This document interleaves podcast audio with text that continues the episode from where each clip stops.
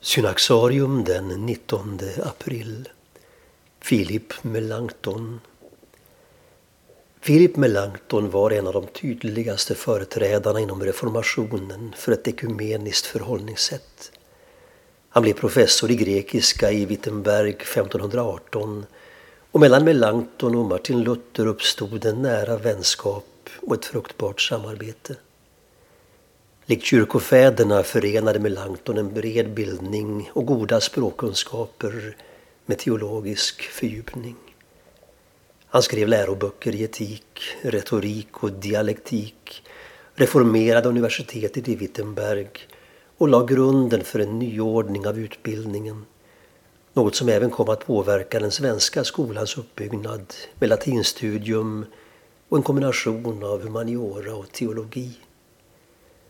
Genom att föra in det klassiska bildningsarvet i reformationen motverkade Melanchthon en svärmisk tolkning av kristendomen och öppnade väg för en positiv utveckling av kulturlivet i de protestantiska länderna.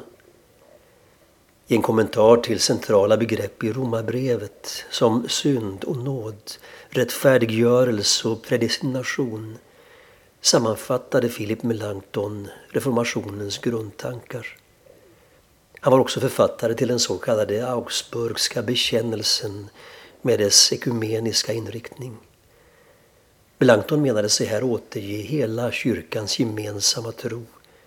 Ett uttryck för hans bemödanden att olika trosriktningar inom kyrkan skulle närma sig varandra. Även om Melanchthon delade Luthers grundtankar intog han en självständig hållning i vissa frågor.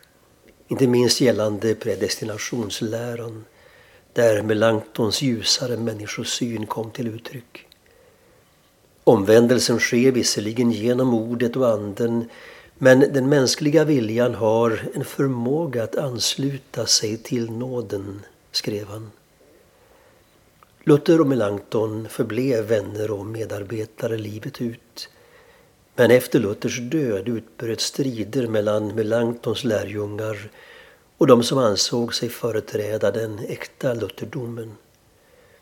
En av orsakerna till konflikterna var att Melanchthon stödde de som förordade ett återupptagande av vissa medeltida kyrkobruk som inte stred mot Bibeln. Som person var Melanchthon en omtyckt och ädel karaktär med en djup personlig fromhet. Han avskydde skvaller och sarkasm och förhöll sig respektfull även till sina meningsmotståndare. Daglig bön och bibelmeditation hörde till hans vanor. Han kallade sitt hem en liten Guds församling och hans kärleksfulla omsorg om sin hustru och sina barn gjorde intryck på många. Philip Melanchthon dog i Wittenberg den 19 april 1560.